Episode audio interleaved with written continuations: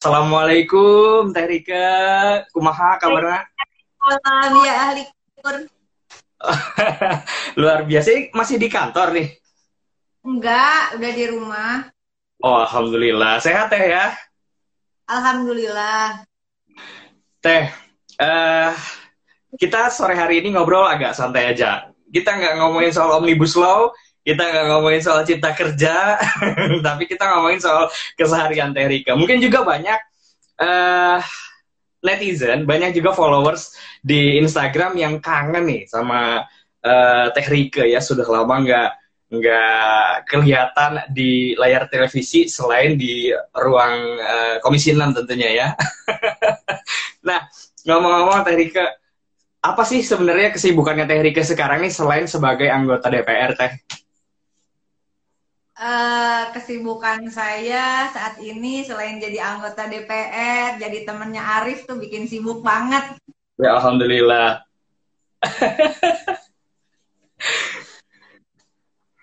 uh, delay ini ya Arif ya, agak hmm. delay ya. Uh, iya ya, tapi di sini jelas kok kedengaran. Hmm. Kesibukannya ya, saya masih sedang melanjutkan studi S3 di hmm uh, untuk dokter di komunikasi Universitas Indonesia. Oke. Okay. Untuk pra, proposal. Oke. Okay. Wow. Ini lagi sibuk-sibuknya nih kalau pra proposal nih.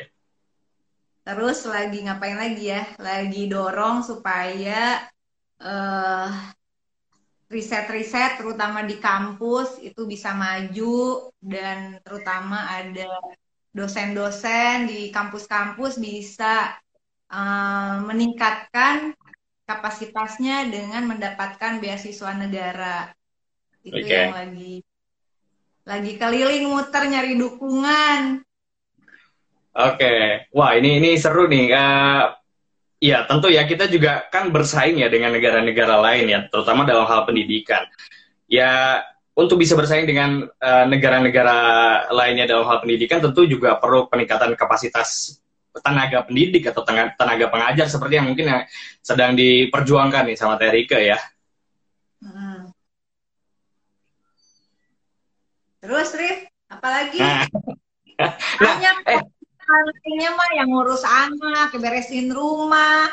Uh, di postingan tadi saya, saya sempat lihat nih uh, uh, di ngembangin balik lagi desain aksesoris nah buku. udah mulai nulis buku lagi belum sih? Nulis buku puisi sih uh, tetap kadang-kadang nulis tapi belum okay. dijadiin buku. Nah uh, nulis nulis buku harian.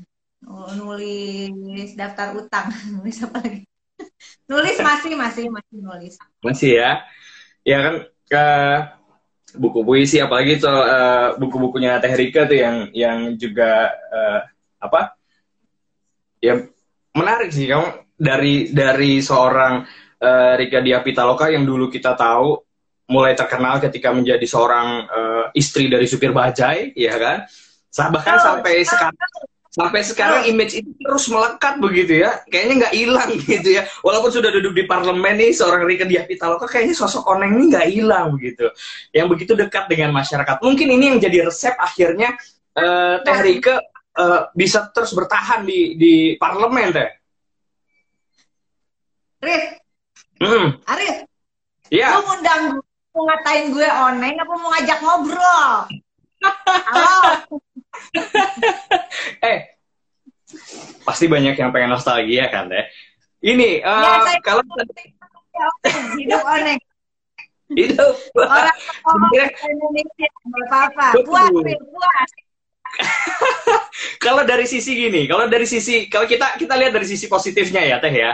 Uh, sosok sosok orang itu kan sebenarnya sosok masyarakat Indonesia pada umumnya sosok seorang ibu rumah tangga yang begitu setia terhadap uh, keluarga, terus juga begitu perhatian sekali terhadap uh, uh, sosok emak juga begitu ya. Nah, uh, itu yang mungkin juga jadi uh, dalam tanda kutip modal ya bagi bagi Teh Riki untuk bisa dekat dengan masyarakat uh, kelas bawah, kemudian juga uh, bisa dekat, bisa menyerap aspirasi mereka begitu, Teh Riki. bener ya. By the way, kenapa lu ngomong harus begini? ya Rif, jadi sebenarnya saya jadi oneng tuh kurang lebih lima tahun. Dan mm. itu kan uh, uh, hampir tiap hari ya tayangnya. Jadi syutingnya yeah. kita itu Senin sampai Jumat. Kita libur hanya di weekend gitu. Hmm, jadi di lokasi itu semua tidak ada yang memanggil nama asli. Semua okay. dipanggilnya perannya. Nama peran ya. Gitu. Nah, hmm. jadi uh, untuk lepas dari karakter Oneng juga jujur aja susah, susah banget. Kadang-kadang waktu, um, nah untuk supaya nggak nggak kemasukan si Oneng banget gitu ya. Waktu itu saya sengaja ambil S2 dan saya nulis disertasi di sela di, eh, di nulis tesis di sela break shooting. Nah, hmm. tapi masalahnya ketika ada jadwal kelas waktu dosen ngomong, itu saya juga kadang-kadang ini dosen ngomong apa ya? Nggak ngerti-ngerti gitu. Jadi hmm. kadang-kadang emang ke bawah juga sih. Nah kalau lagi sampai sekarang kalau lagi rapat terus ada yang manggilnya seperti Bu Oneng katakan. Nah si Oneng itu langsung datang langsung nggak bisa jawab gitu. Oke. Okay. puas eh ngomong-ngomong eh, kapan kalau nyambel terasi lagi gitu ada bonteng gitu di rumah saya diajak. Sok atuh ayo siapa yang mau didatengin ke rumahnya bareng El Sinta saya ikut El Sinta saya sambelin. Mau sambel apa aja saya bisa. Kalau disambelin tuh kesannya kayaknya di di apa ya di apa dijejelin sambel gitu. Disambelin. nggak, nggak ada yang nggak akan ada yang sama. Meskipun okay. bumbunya sama kalau yang menurut saya beda Rif karena goyangannya juga beda. Goyangannya. Luar biasa nih. Banyak juga yang memuji Teh Erika nih di kolom komentar nih. Ambu wanita cerdas katanya. Emang uh, kalau nggak cerdas sih nggak mungkin ya ada di parlemen. Berapa tahun sih? Pura cerdas. Hmm. Eh ngomong-ngomong kan berapa tahun di musim Rif orang on pura-pura cerdas. Iya iya iya iya. Uh, eh, ini juga ada ada yang bilang nih katanya Elsinta boleh tuh dorong bantu beasiswa dosen riset dan inovasi. Siap, Insya Allah Elsinta juga bantu teh. Kalau Terika ya. punya program apa, Elsinta, uh, Terika punya program apa mungkin yang juga bisa ikut kita bantu sosialisasikan, kita bantu juga buat uh, kenalkan ke masyarakat bahwa memang uh, hmm. ini juga yang dibutuhkan oleh masyarakat, ini juga yang dibutuhkan oleh uh, pendengar Elsinta gitu, boleh teh? ada yang namanya pengumuman, ada yang namanya LPDP, yaitu berasal dari dana abadi pendidikan, yang jumlahnya okay. itu udah puluhan triliun sebetulnya. Yeah. Ada dana abadi penelitian yang baru kita dorong dan alhamdulillah disepakati uh, baru ketok pertama aja udah satu triliun. Nah permasalahannya, bagaimanakah cara publik mengakses?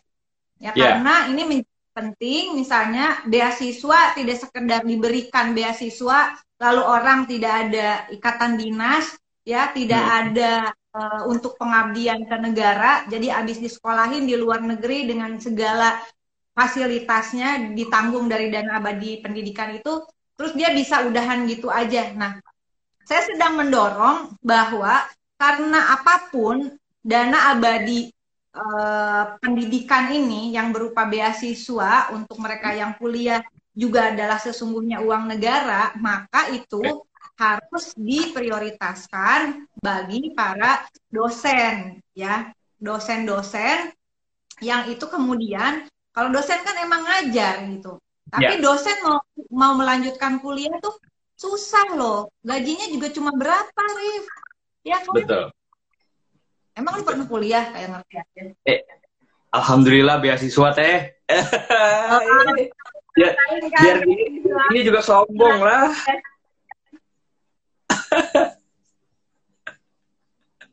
ya kayak itulah. Jadi gimana ah. caranya saya karena uh, tahun kemarin saja kuota dosen yang mendapatkan beasiswa itu malah dikurangi. Nah, saya justru minta ditambah dan saya butuh dukungan dari kampus-kampus di seluruh Indonesia mau negeri maupun swasta untuk bisa bagaimana ada kebijakan agar ada prioritas bagi dosen-dosen, terutama mereka yang berada di luar Jawa, tapi di dalam Jawa juga penting. Tapi sebetulnya eh, bagaimana ada afirmatif action lah bagi para dosen ini untuk jangan nanti dapat beasiswa, tapi kemudian birokrasinya sangat rumit. Jadi mereka yeah. keganggu dengan benar ngerasain kan susah kan beasiswa. Ntar kadang-kadang telat gitu kan? Betul. Hmm. Kelihatan sih muka beasiswa terus. Pasang bu, dapat beasiswa bukan karena pintar, tapi kasihan kampusnya. Saya, saya bisa merasakan suasana kebatinan dosen-dosen di kampusmu. Ya. Oke, ini ada salam juga dari anak-anak SPC katanya Ambu. Salam dari anak-anak SPC. Selamat SPC. Iya, wow, rame pasti di pada ikut nongkrong juga nih anak-anak SPC nih. PHK sepihak di Pelindo 2 sampai sekarang masih kita advokasi ada sekitar 250 orang. Mohon doanya guys Indonesia kita sedang memperjuangkan agar mereka bisa kembali bekerja. Nah. Oke. Okay. Nah, uh, kemarin juga kan lagi sibuk-sibuknya ya di uh, parlemen juga kan Bahkan di tengah kesibukan aktivitas di parlemen sempat juga memberikan webinar sekolah politik juga untuk calon-calon kepala daerah ya di partai ya. Apa sih sebenarnya kalau kalau kita lihat kalau Terika melihat di Pilkada 2020 ini mungkin isu yang bisa diangkat dari uh, oke okay lah dari tempat Terika sekarang bertugas gitu ya di Komisi 6 Teh. Nah, mungkin saya lebih narik tugas saya di Badan Kajian Majelis Pemusyawaratan Republik Indonesia. Jadi okay. guys, selain dia ada di DPR, saya juga ditugaskan oleh partai dan fraksi di fraksi MPR begitu. Nah, di fraksi MPR di bad ada badan kajian, ada badan sosialisasi, uh, dan saya ada di badan kajian MPR. Di badan kajian itu kita mengkaji berbagai isu-isu penting dan strategis. Uh, saat ini badan kajian ada lima kelompok, salah satunya adalah kelompok pemilu. Nah, okay. ada kelompok pemilu, ada kelompok desa, kelompok undang-undang cipta kerja, kelompok COVID-19, satu lagi kelompok apa ya? Uh, kelompok haluan ideologi Pancasila. Nah, saya ada di kelompok pemilu. Kelompok pemilu ini kemarin seru banget. Kita berpikir sama-sama, alhamdulillah, semua uh, merasakan satu hal yang sangat penting bisa dibayangkan kalau rencana pemilu 2024 itu benar-benar serentak bukan hanya antara presiden yeah. dengan uh, tetapi eksekutif di semua tingkatan. Ada pemilihan presiden, ada pemilihan gubernur, ada pemilihan bupati, wali kota bareng tuh. Dan hmm. semua kan mengajukan visi misi. Itu syarat uh, itu syarat untuk uh, harus sebagai calon memang harus menyerahkan visi misi ke KPU. Bisa ya. dibayangkan nggak kalau semua calon di saat pemilu serentak itu punya visi misi yang berbeda-beda? Ya, bayangin, saya bayangin dulu nih. Kita bayangin bareng-bareng. Tunggu, tunggu. Tiga detik. Tiga detik ya? Nah. Oke. Okay. Nggak karuan, teh. Iya, yang satu lah. Nah, yang satu ke situ gitu ya. Nggak, nggak punya satu tujuan ya. Iya gejala disintegrasi menguat uh, bisa bisa bukan lagi negara kesatuan Republik Indonesia karena setiap calon punya punya visi misi yang berbeda. Nah di Badan Kajian MPR RI, alhamdulillah wasyukurillah semua teman-teman yang berasal dari DPR dari semua fraksi maupun dari DPD RI karena MPR itu terdiri dari DPR dan DPD. Yeah. Yang di DPR sendiri dari sembilan fraksi tentu saja dan DPD RI berpikiran yang sama sehingga ada uh, ini akan segera ada rapat pleno sepertinya untuk memutuskan bahwa sebetulnya kita harus punya visi misi yang sama yang merupakan visinya turunan dari pembukaan Undang-Undang Dasar 45 dan dan Undang-Undang Dasar 45 batang tubuhnya. Sehingga setiap calon dari partai mana pun dia diusung atau dia independen dia nggak boleh punya visi yang berbeda. Visinya adalah terwujudnya Indonesia yang merdeka, bersatu, berdaulat, adil, dan makmur di bingkai negara kesatuan Republik Indonesia yang berdasarkan kepada Pancasila yang berbineka tunggal ika. Itu visinya. Nah, okay. misinya seperti apa?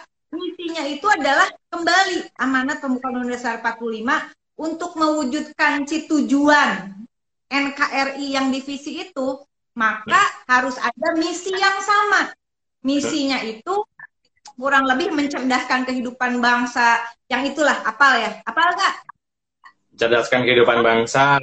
Terus uh, apa lagi ya? Tujuan Indonesia dibentuk adalah ya. googling googling, okay. googling googling. Googling jangan jangan jauh. Laptopnya jauh. Googling pembukaan intinya apa? Pemerintah Republik Indonesia dibentuk apa cepetan gue lupa Wah, tak, saya mau ngasih kuis malah saya yang dikasih pertanyaan sama Teh Rike nih jadi-jadi. Ya mencerdaskan kehidupan melindungi segenap bangsa Indonesia mencerdaskan mensejahterakan. Nah itu nggak boleh beda. Nggak boleh beda artinya ada suatu konsep di misi itu uh, yang kemudian itu pada prakteknya implementasi operasionalnya boleh beda prinsip visi misi tidak boleh beda dengan Pancasila dan Undang-Undang Dasar 45. Sepakat, Rif? Sepakat. Sepakat? Sepaket. Oke, sepakat dan sepakat. Nah, jadi kemudian eh, bagaimana cara mewujudkan, mencerdaskan dan seterusnya itu mensejahterakan, melindungi? Maka eh, ada pasal 28 Undang-Undang Dasar 45 tentang bagaimana sebetulnya eh, hal-hal uh, untuk mencapai adil dan makmur itu. Kira-kira ada kita sebut namanya lima bidang prioritas. Hmm. Lima bidang prioritas kesejahteraan rakyat, yaitu terjaminnya hak rakyat atas sandang pangan papan, kemudian pendidikan dan kebudayaan. Yang ketiga adalah uh, kesehatan, ya kesehatan dan jaminan sosial, kemudian tenaga kerja, tenaga tentang ber, tentang pekerjaan yang layak pasal uh, di Undang-Undang Dasar, kemudian juga yang terakhir adalah infrastruktur dan lingkungan hidup yang baik begitu. Hmm. Nah, pasal 29 yang mengenai bagaimana kehidupan ber, terjaminnya kehidupan beragama dan setiap orang bisa menjalankan agama dan kepercayaannya yang dilindungi itu juga menjadi satu prioritas yang tidak boleh kita lupakan. Nah ini kan nggak boleh beda. Nah Betul. cara orang mau mewujudkan terjaminnya rakyat di bidang kesehatan ya silahkan. Cara bisa beda, ya kan? Mau gaya milenial kek, mau apa silahkan. Tapi lima bidang prioritas ini bagaimana harus terpenuhi. Nah untuk hmm. memenuhi lima bidang prioritas rakyat itu butuh anggaran. Anggaran jangan sampai membebani hanya pada pajak rakyat. Maka harus ada industri nasional yang dikembangkan untuk bisa membiayai terutama lima bidang kesejahteraan rakyat ini. Nah, industrinya yang uh, kemarin di, di, disampaikan dan ini sesuai dengan peraturan pemerintah tentang rencana induk perindustrian nasional 2015 yang ditandatangani Pak Jokowi, prioritasnya kurang lebih industri nasional kita adalah industri sandang, pangan, dan papan, industri bahan baku industri, industri energi, industri kesehatan, eh, terutama farmasi dan obat-obatan tradisional, dan industri pariwisata. Kenapa lima industri ini yang harusnya menjadi prioritas di Indonesia? Bahan baku kita punya nggak, Rif? Ada. Apalagi pariwisata. Pasar, Betul. Pasarnya Pasarnya pun besar. Pasar bukan pasar induk maksudnya orang yang yeah. buat selamat dong iya. pasar induk ada jadi bahan baku ada pasar ada bisa hmm. bisa nggak mungkin nggak bisa apalagi sekarang kan Indonesia maju Indonesia maju ya tujuannya salah satunya uh, menjadi negara industri untuk mengoptimalkan potensi ekonomi menjadi kekuatan ekonomi agar mampu terutama menjamin lima bidang kesejahteraan rakyat yang diamanatkan pasal 28 dan 29 Undang-Undang Dasar. Sepakat? Oke. Okay. Oke. Okay. Nah, ini kita mulai Pilkada serentak 2020 karena berapa berapa ya jumlahnya ya? 200 kurang lebih 240 pilkada. Dua 270. Setiap ada 200 kurang lebih 200 calon ya yeah. yang pasangan calon. Kalau 200 pasangan calon ini visi dan misinya beda-beda, tidak dalam bingkai NKRI tadi, saya kira ini hmm. juga menjadi gejala yang kurang baik. Nah, mudah-mudahan ini menjadi konsensus politik bersama agar yang amanat konstitusi itu tidak ti orang tidak lagi sekedar mengaku Pancasila. Kalau mengaku Pancasila, apalagi dia penentu kebijakan, tunjukkan di dalam kebijakannya yang bisa terjaminnya lima bidang kesra. Sepakat. Oke, okay. oke. Okay. Uh, eh, sebelum lebih uh, jauh nih teh, kita bicara tadi ada ada visi yang harus apa? Kenapa? Jangan ngomongin politik. Oh iya, udah kalau gitu. Kita ngomongin uh, sedikit lagi, sedikit lagi. Kalau kita bicara tadi lima visi yang tadi sudah Teh Rika sampaikan, ya kan? Tapi tentu ada penyesuaian karena kita tahu sekarang kita lagi menghadapi pandemi. Lalu kemudian apa mungkin pesan-pesan kalau kemarin di di sekolah politik nih yang disampaikan gitu ya, yang disampaikan nah, oleh kepala daerah karena kita tahu ini kan menjadi tantangan buat pemerintah begitu. Benar. Salah satu yang penting adalah keluarnya Undang-Undang Nomor 11 Tahun 2019 tentang Sistem Nasional Ilmu Pengetahuan dan Teknologi dengan keluarnya undang-undang tersebut sebetulnya menjadi fondasi bagi paradigma baru dalam kebijakan politik pembangunan Indonesia. Yang hmm. tadinya tidak diamanatkan kebijakan pembangunan itu harus berbasis riset, ilmu pengetahuan dan teknologi, karena hadirnya undang-undang itu secara tegas dikatakan ilmu pengetahuan pasal 5A, ilmu pengetahuan dan teknologi menjadi landasan dalam perencanaan pembangunan nasional di segala bidang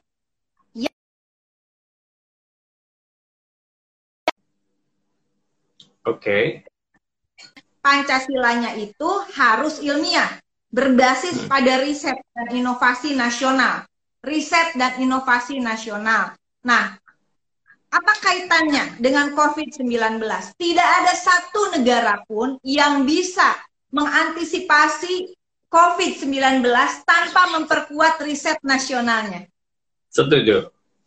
Nih tanya dong, apa visi misi Eh, ada Jepang.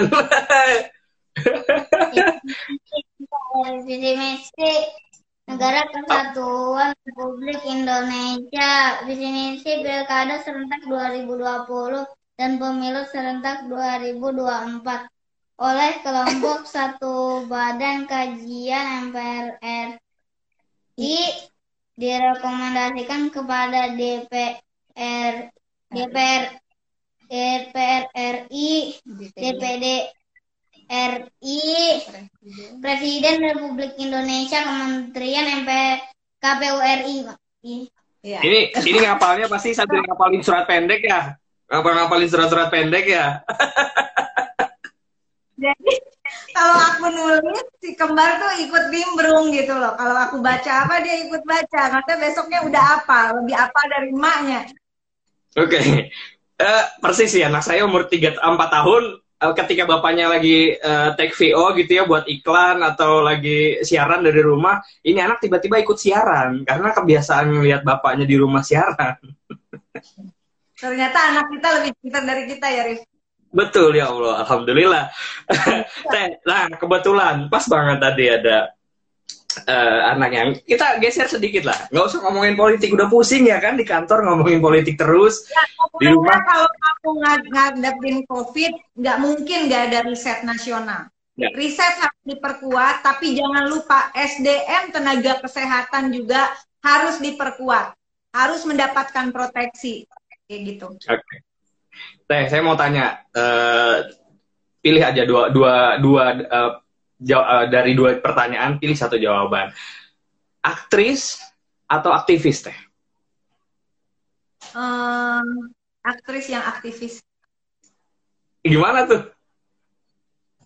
Ya, karena buat saya berkesenian itu sebetulnya Oke. adalah um, apa ya? Kesenian itu bukan kesenangan diri kita sendiri loh. Tetapi bagaimana kesenian itu eh, karya seni itu menjadi mimesis atau cermin dari potret kehidupan kita semua yang itu bukan hanya menghibur tetapi kayak orang nonton Bajai Bajuri itu kan ada nilai-nilai yang juga gimana bisa disampaikan ke publik soal gotong royong, soal toleransi, bagaimana potret kemiskinan. Jadi itulah fungsi seni yang sebetulnya itu juga menjadi bagian dari pemikiran atau aktivitas seorang aktivis gitu dan seorang politisi. Maka saya nggak pernah misahin antara seni dan politik. Politik itu butuh seni, seni itu Ya. butuh politik kayak gitu. Tapi bukan berarti ketika di parlemen terus kemudian lagi berakting pura-pura begitu ya teh ya. Kan banyak juga yang begitu ya teh. Bukan itu maksudnya. Eh Bukan enggak, itu tapi kan Kalau ada juga Oh, saya kayak nggak Ya. nilai orang. Tapi kalau saya nggak mungkin acting di parlemen karena kalau saya acting saya harus dapat honor per episode kira-kira Oke, nanti invoice-nya kasih ke bagian ini aja unit ya teh ya. ya Nah, itu tadi kan eh, seorang menyapa Rike Tuhan. apa tuh? Oh, banyak nih yang menyapa nih di di Instagram nih. Baskara Banyak. Yuda, halo Baskara Banyak. Yuda, Saiful Saiful Anwar, halo. Oke. Saiful Anwar, ada juga ini ada Dewi Wida nih. Saya mau nanya nih, kalau tenaga medis kenapa nggak dapat bantuan tunai? Kan tenaga medis banyak tenaga honorer dengan gaji di bawah 5 juta. Ini Teh Rika bisa jawab nggak nih pertanyaan ini nih? Nah, Atau justru di- saya sedang mendorong sebetulnya Mhm. tenaga di terutama terutama. Pelayan publik di garda terdepan khususnya Oke. sektor pendidikan, eh, Mhm. di pendidikan, di sektor kesehatan dan di sektor pertanian, juga infrastruktur, banyak lah semua pelayan publik. Mereka ini berada di garda terdepan, ya termasuk mereka yang tugas di dinas pemakaman gitu. Nah, bagaimana ada perbaikan terhadap status kerja mereka, terutama tenaga kesehatan di suasana COVID-19 ini dan tenaga pendidikan. Bisa dibayangin nggak? Guru-guru itu di kampung tetap harus ngajar dengan virtual, dengan tidak ada tambahan pulsa, kuota, nggak ada. Mereka harus berjuang untuk bisa tetap ngajar gitu. Dan Ya. saya kira tidak berlebihan kalau negara memprioritaskan mereka untuk di, di- diangkat sebagai pegawai tetap negara. Ini investasi loh. Jangan dihitung keluar biaya belanja. Tapi untuk terutama para pekerja di sektor pendidikan dan kesehatan, sebetulnya negara mengeluarkan uang karena dianggap sebagai beban. Itu karena investasi untuk pelayanan kesehatan dan pendidikan yang amanat 28 Undang-Undang Ya. Dasar itu. Nah, jadi dukunglah perjuangan kami untuk disahkannya revisi Undang-Undang ASN. Merdeka. eh, ini juga banyak tenaga-tenaga honorer, eh, guru honorer gitu ya yang merasa seperti di Teman aja kok tegang kali berhadapan sama Mbak Padahal- Rike. Emang kelihatan ya?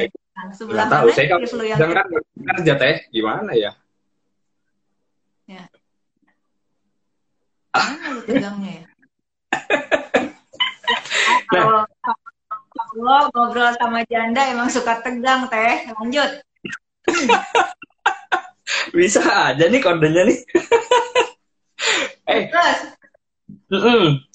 anak-anak gimana di rumah selama masa pandemi pasti ngerasa bosan kan juga aktivitas sekolah mereka juga kan eh, lewat online ya teh ya.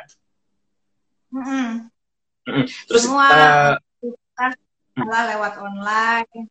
Kursus juga ada, tapi kalau kursus sebagian kursus mereka udah bisa berangkat ke tempat kursus dengan protokol kesehatan yang yang yang ketat lah gitu. Oke. Sempet eh, protes nggak sih mereka misalnya eh, ambunya galak gitu di rumah mau main keluar nggak boleh atau memang mereka sudah terbiasa gitu ya dengan situasi pandemi ya enjoy aja di rumah gitu deh. Justru mereka yang ngelarang saya keluar rumah. ya mereka, kamu nggak ngerti, corona. Kamu tuh gimana sih pergi-pergi terus? kita kan tetap ketemu orang apa untuk Ya, ya. konsolidasi pun ke daerah pemilihan. Oke. Ini ya namanya anak-anak ya, anak saya juga sama gitu. Kalau ngeliat bapaknya udah rapi, Abi mau ke mana sih? Bi mau kerja ya kerja di rumah aja lah, Bi. Ngapain sih di luar kan banyak corona, Bi. Umur 4 tahun udah ngerti ngingetin bapaknya. Tapi kalau bapaknya nggak kerja nanti nggak bisa ketemu sama Teh Rike di Instagram. Gimana tuh? Enak banget ya kerja orang El Cinta tuh di IG aja. Udah di kerja. Instagram. Instagram, Twitter, Twitter gitu aja udah. Banget ngegaji orang yang kerja di Instagram. Oke, eh, ini ada Baskara Yuda tuh, Teh Rike masih inget nggak di Garut sama Om Alex kembar grup katanya. Kamu aku pasti ingat dirimu Baskara, sehat selalu, salam untuk keluarga. Tuh, kan Oke. katanya. Ada Teh Ida dari Serang juga, dari Hmm? Serang. Ini ada jagoan debus loh perempuan, teman saya tadi Wih. itu ada di sini. Teh Ida, nuhun Teh Ida. Teh Ida, Teh Ida, kapan saya diajak buat makan nasi sumsum Teh Ida di pasar lama Teh Ida? Ngomong ini makanan terus kalau sama saya Teh. Apalagi di Serang tuh. Ayo, Ih, ayo ada. Ah, nasi sumsum itu di pasar lama tuh pasar Rau tuh ada. Terus Ayo, sate ba- Ayo Iraha, Iraha. nanti nunggu libur tuh. Tuh Iraha tuh. Aku Ayo. traktir lah. Ajak Iya. Teh Ida, Teh Ida. Teh Ida, Teh Ida jadi tuan rumah ya, ya. Oke, nah eh, Ya.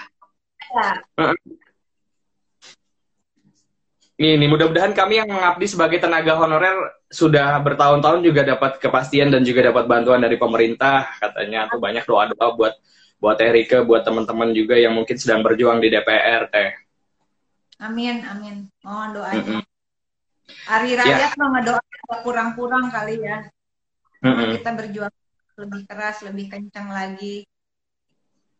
Cuman kadang nggak kelihatan aja gitu. Biasanya kan justru yang yang menarik diangkat media tuh biasanya justru yang banyak lebih banyak polemiknya, lebih banyak kontroversinya. Sementara yang serius bekerja justru kurang dapat perhatian gitu ya dari eh, media-media ya teh ya.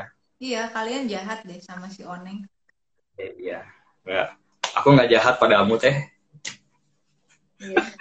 Tapi ya kadang-kadang kan kalau kita nggak bisa kita setiap hal kita apa maksudnya kadang-kadang tuh kalau kayak saya mikir ini emang udah kewajiban kerja udah digaji ngapain juga digembar-gemborin gitu kan Hmm. juga akhirnya kan nanti kadang-kadang tuh ada gagasan politik yang sebetulnya udah kita susun rapi-rapi terus nanti digembosin dengan isu yang nggak berkaitan misalnya gitu Iya.